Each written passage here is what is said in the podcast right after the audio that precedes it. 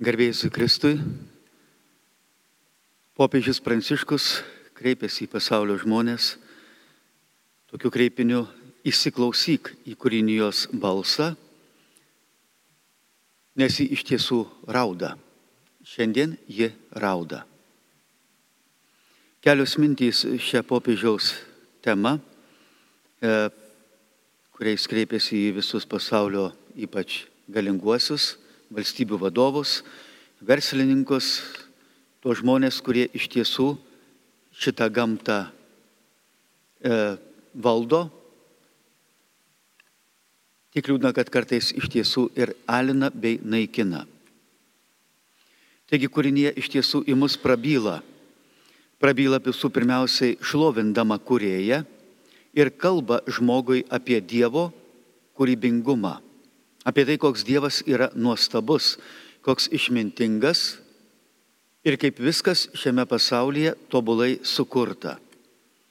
E, galbūt todėl visi garsiausi pasaulio mokslininkai, fizikai, matematikai ir visų kitų sričių biologai, tas pats Darvinas, jeigu kam teko skaityti rušių kilmė ir atsiradimas e, tą knygą, tai jis kuo pradeda šitą knygą. Šitą knygą jis pradeda himnu Dievui. Darvinas šitą knygą pradeda šito šlovindamas Dievą, kuris visą taip nuostabiai sukūrė ir jam, tam gamtininkui, Darvinui, Čarlzui, leido visą šitą nuostabumą pažinti ir įsigilinti į kūrinijos gelmes. Pagaliau, kiek žmonė visais laikais ėmėsi įkvėpimo, ar tai būtų menininkai, dailininkai, e, muzikai, ar dar kažkas, ėmėsi įkvėpimo iš kur? Visų pirmiausiai iš gamtos. Ji mums yra Dievo dovana, mums duota ar tik, tais, tik visa bėda, kai paskui mes ją priimame. Žinote, visose arhainėse tautose gamta buvo gerbiama, santykis su ją visą laiką buvo pagarbus, nupjovė medį, prieš pjaudamas su juo pasikalbė, prieš gyvulį nužudydamas, jeigu maistų reikia, irgi jį paglostai, nuramini ir visa kita. Netgi kai kur buvo netgi susitaikinimo visokios ten maldos su, su, su gyvuliais prieš juos papjaunant būdavo ne taip kaip dabar, taukšt, barkšt ir viskas. Ne. Žmonės kitaip matydavo gamtą. Kartais būdavo netgi šitą gamtą garbinama ir puikiai žinom, kad yra, būdavo ten šventi medžiai, šventi gyvūnai ir taip toliau. Na, o šiandien nei gerbiama, nei garbinama tiesiog vartojama. Tiesiog jinai tapo daiktų. Liūdna, bet iš tiesų žmogus, jeigu, kita, jeigu žmogus kitą žmogų priima kaip daiktą, gamtą priima kaip daiktą, mat, žinot, kas atsitinka? Atsitinka, kad kodėl? Kitas man yra veidrodis. Aš negaliu kitaip save suvokti. Kitą suvokiu per kitą žmogų, pagaliau net ir per gamtą. Ir jeigu aš juos laikau daiktais, Kas atsitinka, aš pats pasidarau daiktų. Va tą vartotojiškumą perkeliu ir į santykį su žmonėmis, jie irgi pasidaro daiktai mano tikslam pasiekti, jo labiau gamta. Todėl šiandien kūrinė ir aimanuoja ir augmenyje, ir gyvūnyje, ir netgi tie paprasti žmonės, e, kurie norėtų tą gamtą matyti nuostabę, kurie ją ir prižiūri. Bet puikiai žinom, kad yra grupė žmonių, kurie iš tiesų šitą gamtą gali valdyti, užimdami tam tikrą savo visuomeniai padėtį ir dėja nesiskaityti visiškai su ją. Naudoti savo tikslams pasiekti. Jiems be abejo tikslas pateisina bet kokias priemonės. Ir žinot, kaip visada būna pasaulio grimasos, sudėvinam naminius gyvūnėlius, tačiau ir toliau sėkmingai naikinam ištisas gyvūnų rūšis. Visiškai į tai nekreipdami dėmesio. Bet pa žmogų yra kažkoks paradoksas. Vat vaikučiai, kurie anksčiau gimė, ne ankstukai, kaip juos vadina, visuose supermarketuose rasite būna dėžutės, paukokit ankstukams. Bet lygiai taip pat sėkmingai tuos vaikus, kurie jau gimė, Dabar jau net yra Amerikoje dar kažko žinau įstatymai išleisti, kad juos galima sunaikinti, jeigu tu nenori. Gimusi vaikas, sveika, viskas verkia, šaukia, reikia, šypsosi, galima sunaikinti. Šitas pasaulis puikiai matom, kad įsigimsta. Įsigimsta iki tie, kad mes jau, paprastai pasakius, sėdim ant medyje, ant šakos ir tą šaką, ką darom, pjaunam. Tai čia žinot, jeigu pamatytumėte tokį žmogų pjaunantį šaką, ant kurios jis sėdi, nu tai puikiai sakytumėt, nukvailys. Bet apie pasaulį turbūt taip nesakom. Nesakom civilizuoti. Žmonė pasiekė savo aukščiausią įsivystimo laipsnį proto, supratimo, suvokimo, įstatymų, tarptautinius ir visokius kitokius. Ir pasižiūrim, kad visa tai neveikia.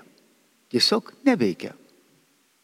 Kiek institucijų yra visokių, kad vargšus pamaitint, kad karų nebūtų, taikos visokių šitų ansamblėjų ir taip toliau, neveikia. Kodėl? Manau, kad visi turite atsakymą. Kai išvarai Dievą, nebeveikia tada jau niekas. Neveikia niekas. Jeigu Dievui vietos nelieka, žmogaus gyvenime, šeimos gyvenime, visuomenės gyvenime, tautos gyvenime, ta tauta, ta šeima, ta, ta žmogus yra pasmerktas. Ir kas jį pasmerkė? Jis pats. Niekas kitas. Tam yra daugybė pavyzdžių. Ir visi šventieji puikiausiai mokėjo pasinaudoti Dievu, dėl to ir darė stebuklus. Tarsi Žemėje šitai planetai kažko trūktų, kad čia būtų rojus. Nu ko dar reikia, kad čia būtų rojus? Galbūt nebent kaip tuose apokaliptiniuose visokiuose filmuose. Reikia panaikinti tą parazitą, kuris šitą gamtą, šitą pasaulį, ką daro, naikina ir sparčiai naikina. Ir kuo toliau, tuo labiau. Ir puikiai žinot, kad tas parazitas yra ne kažkas kitas, kaip kas Homo sapiens. Žmogus protingas. Būtų galima su šita, dėl šito antro žodžio būtų galima suabejoti. Ir be abejo, čia ne kažkas kitas įsibrauna kaip nuodėmė. Į žmogaus gyvenimą atėjusi nuodėmė, kuri žmogui žmogų ir apgauna. Apgauna, suklaidina. Juk ko vaikai linkia per gimtadienį? Sveikatos ir daug pinigų, ar ne? Nu, toks, žinot, kvailas, hedonistinis palinkėjimas. Nu, sveikata be abejo gerai, bet, žinot, yra daug sveikų žmonių, kurie netgi savo gyvybę nutraukė. Taigi sveikas buvai, visko turėjai ir staiga nutraukė savo gyvybę. Nes ten viduje buvo blogai. Vadinasi, visų pirmiausiai turėtumėm džiaugtis tuo, kas ten yra viduje. Ir jeigu ten viduje pragaras, be abejo tas pragaras persikelia į šeimą, į darbovietės, į tautą, į visuomenę, į įstatymų leidėjus, persikelia be abejo ir į gamtą. Tada be abejo gamta kenčia, nes žmogus be abejo yra galingesnis. Iš tiesų, netgi skaitydami šventą raštą mes matome, kad e, yra ta paralelė gamtos ir žydų tautos istorijos. Kol žydai klauso Dievo įsakymų, gerovė, saugumas, ramybė. Visko užtenka, džiaugsmas, rojus. Bet kai tik tais Dievo pradeda nebeklausyti, pradeda garbinti kitus dievus, išnaudoti tautiečius, ateivius, kitų tautų žmonės skriaust, iš karto kas tada pasitinka? Karas, maras, tremtis. Dievas sako, tas pats bus. Tas pats yra ir, ir, ir, ir mes puikiai matom, kad lygiai taip pat, kai žmogus nebesiskaito su gamta, tada be abejo prasideda ir kataklizmos. Dykumoje sniegas iškrenta, potviniai, audros, žemės drebėjimai ir visa kita, kas dar mūsų laukia, nežinau. Čia nebent mokslininkai gali pasakyti, kaip keičiasi ten tie visi magnetiniai laukai ir, ir visi kiti dalykai, saulės aktyvumas ir taip toliau, prasibraunantis pro sugadintą užsklandą. E, be Dievo be abejo tada žmogui jau nebelieka jokios atsakomybės nei prieš gamtą, nei už ją. O juk Dievas žmogui pavedė. Sako, apvaldykit šitą žemę, įdirbkit ir ją saugokit. Apvaldyti mums sekasi. Visos technologijos tam ir nukreiptos, kad tą žemę apvaldyti, iščiulpti, išgręžti ir taip toliau. E, įdirbti taip, tą sugebam. Laukus įdirbti, miškus iškirsti, visą kitą, šitą dalyką mes puikiai sugebam. Bet ar tą trečiąjį pavedimą, kuris buvo duotas žmogui, saugoti gamtą, ar mes ją sugebam, ar ne? Ir čia mes matom, kad jau spraga yra didžiulė. Tokia didžiulė, kad pro tą spragą, e, ko gero, išlysime ir patys. Ir ko gero ne kažkur kitur, kaip į nebūtį. Žiūrėdami į tas išnykusias civilizacijas, kurių trupinius mes randame, archeologai randa, matydami jų technologijas, tuos piešinius ir visus kitus dalykus, kurie byloja, kad kažkada buvo aukšta technologija. Buvo civilizacija.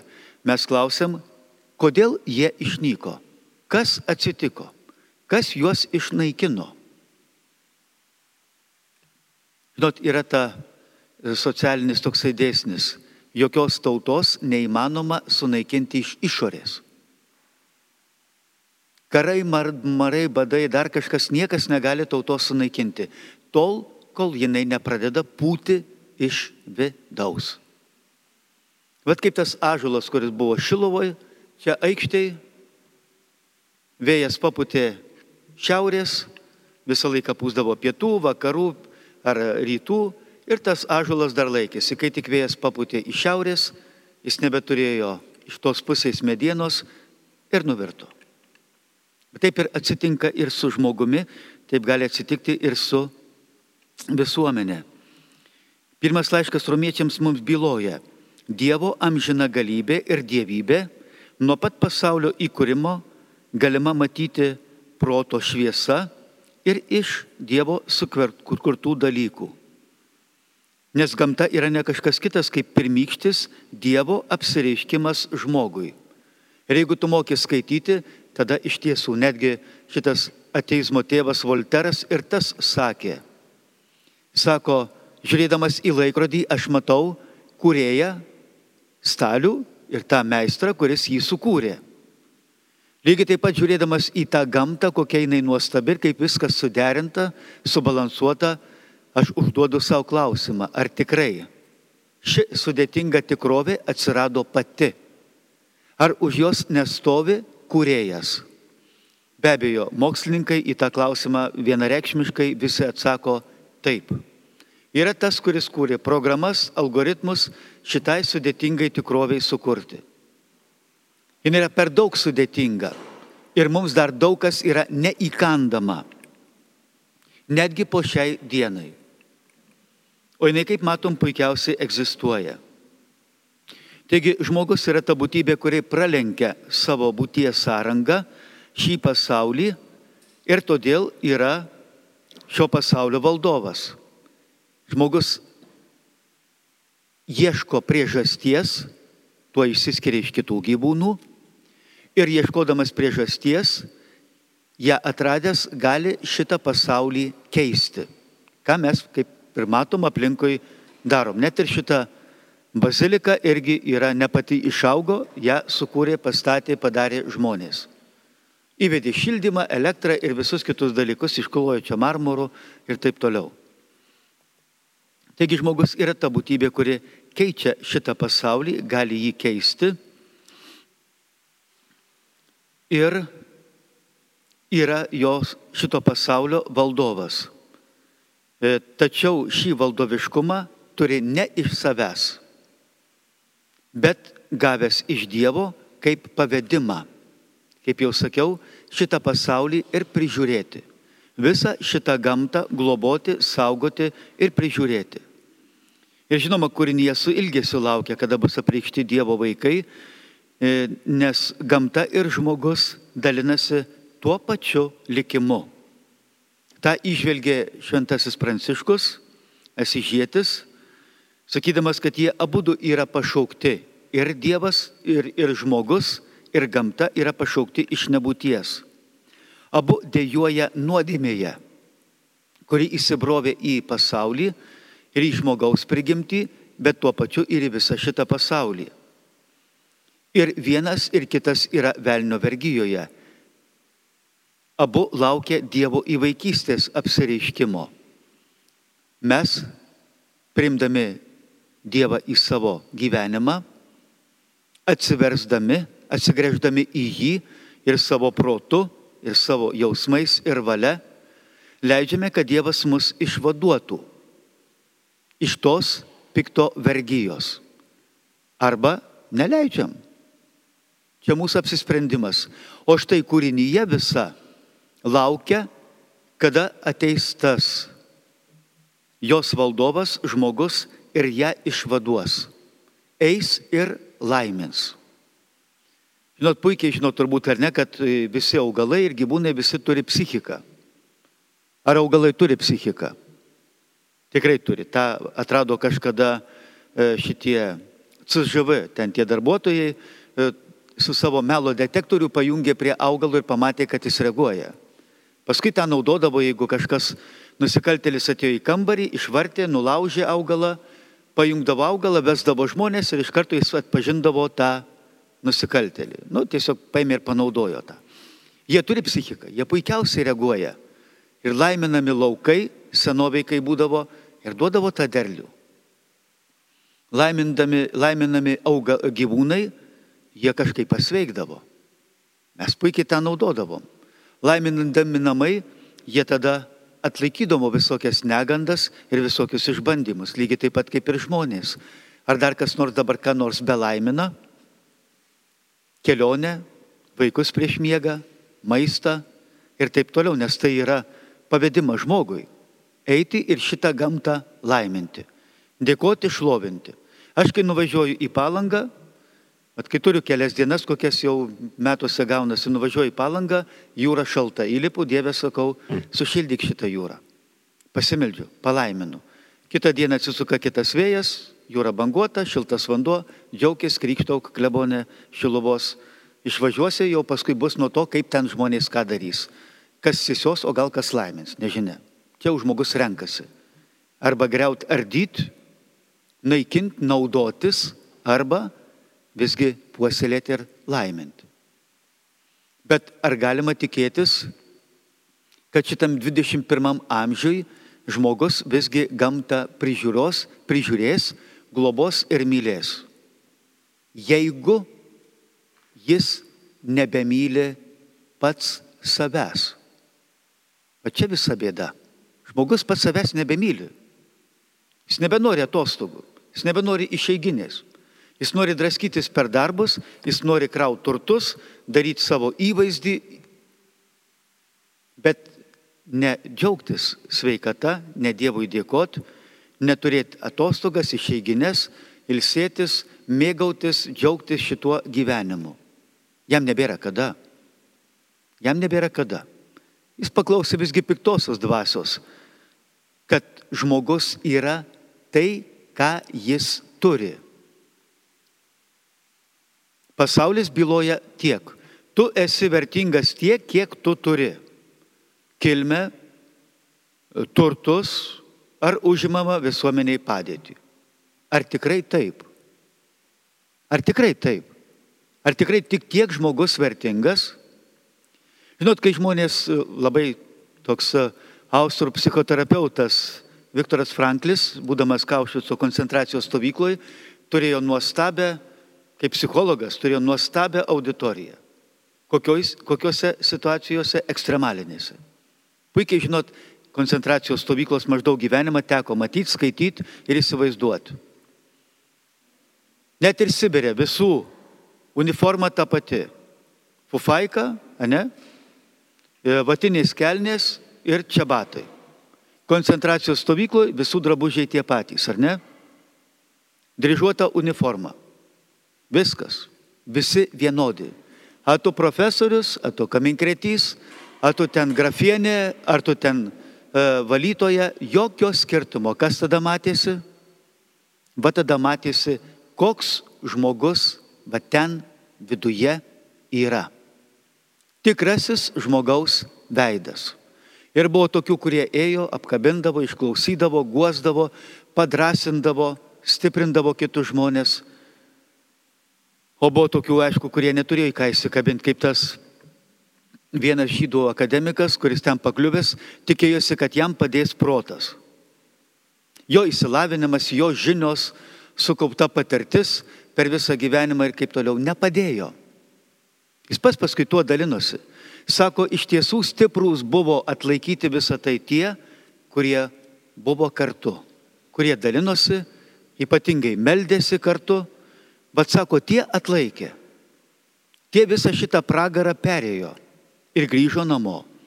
Ta liudijo ir viena močiutė, kuri čia buvo Šilovoje kažkada prieš penkis metus atvykusi į Šilines ir sakė, sako, vaikeli, kurie buvom Sibirė, vad kurie melsdavomis, rarotos, gegužinės, berželinės, mišios, nu, komuniją dalindavo ten prie valgyklos durų, kunigėlis su fufaika atsistojęs, kažkur ten palėpiai paukojęs mišes.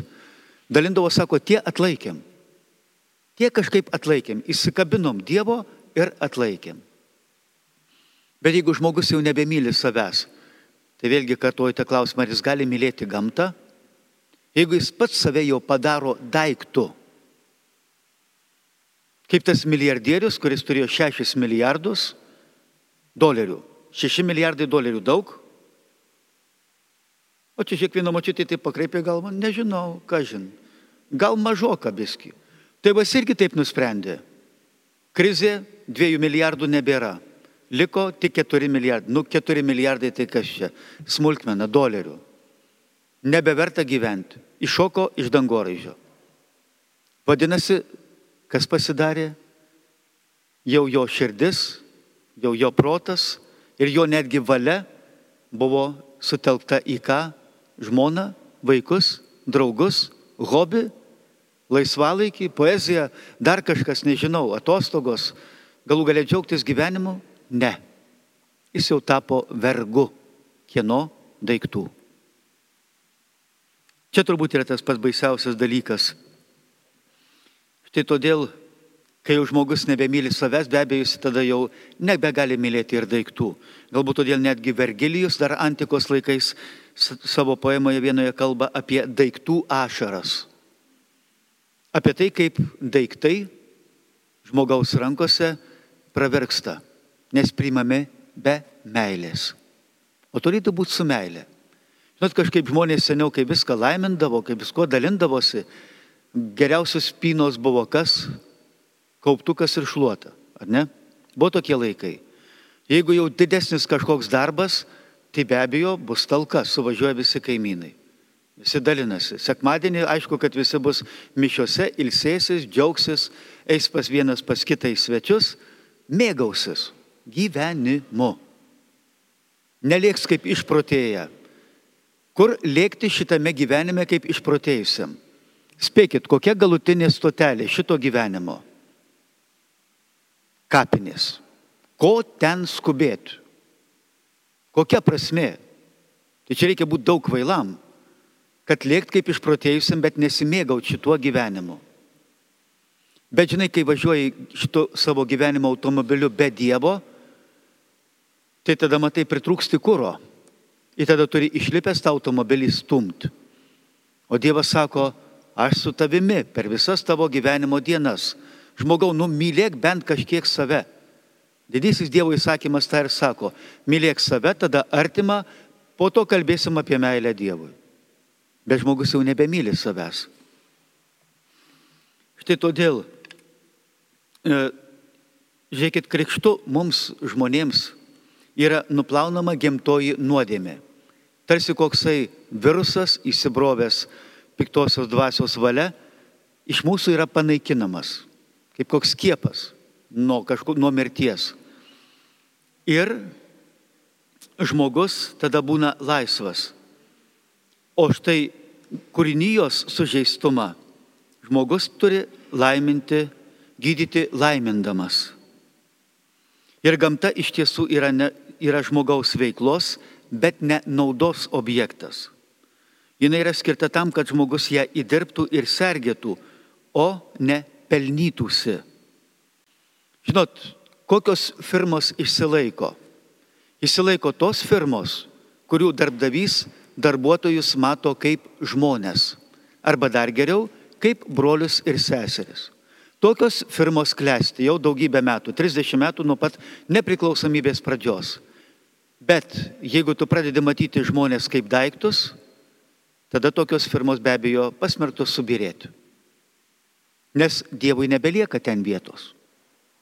Taip kaip ta mergaitė rašo Dievui laišką, Dieve, kur tu buvai, kaip mūsų mokykloje buvo nužudytas vaikas? Kur tu Dieve buvai? Tikybos mokytė atiduoda klebonui, klebonas rašo laišką. Mergaitė skaito, mėla mergaitė, labai gaila, bet manęs į jūsų mokyklą neįleidžia.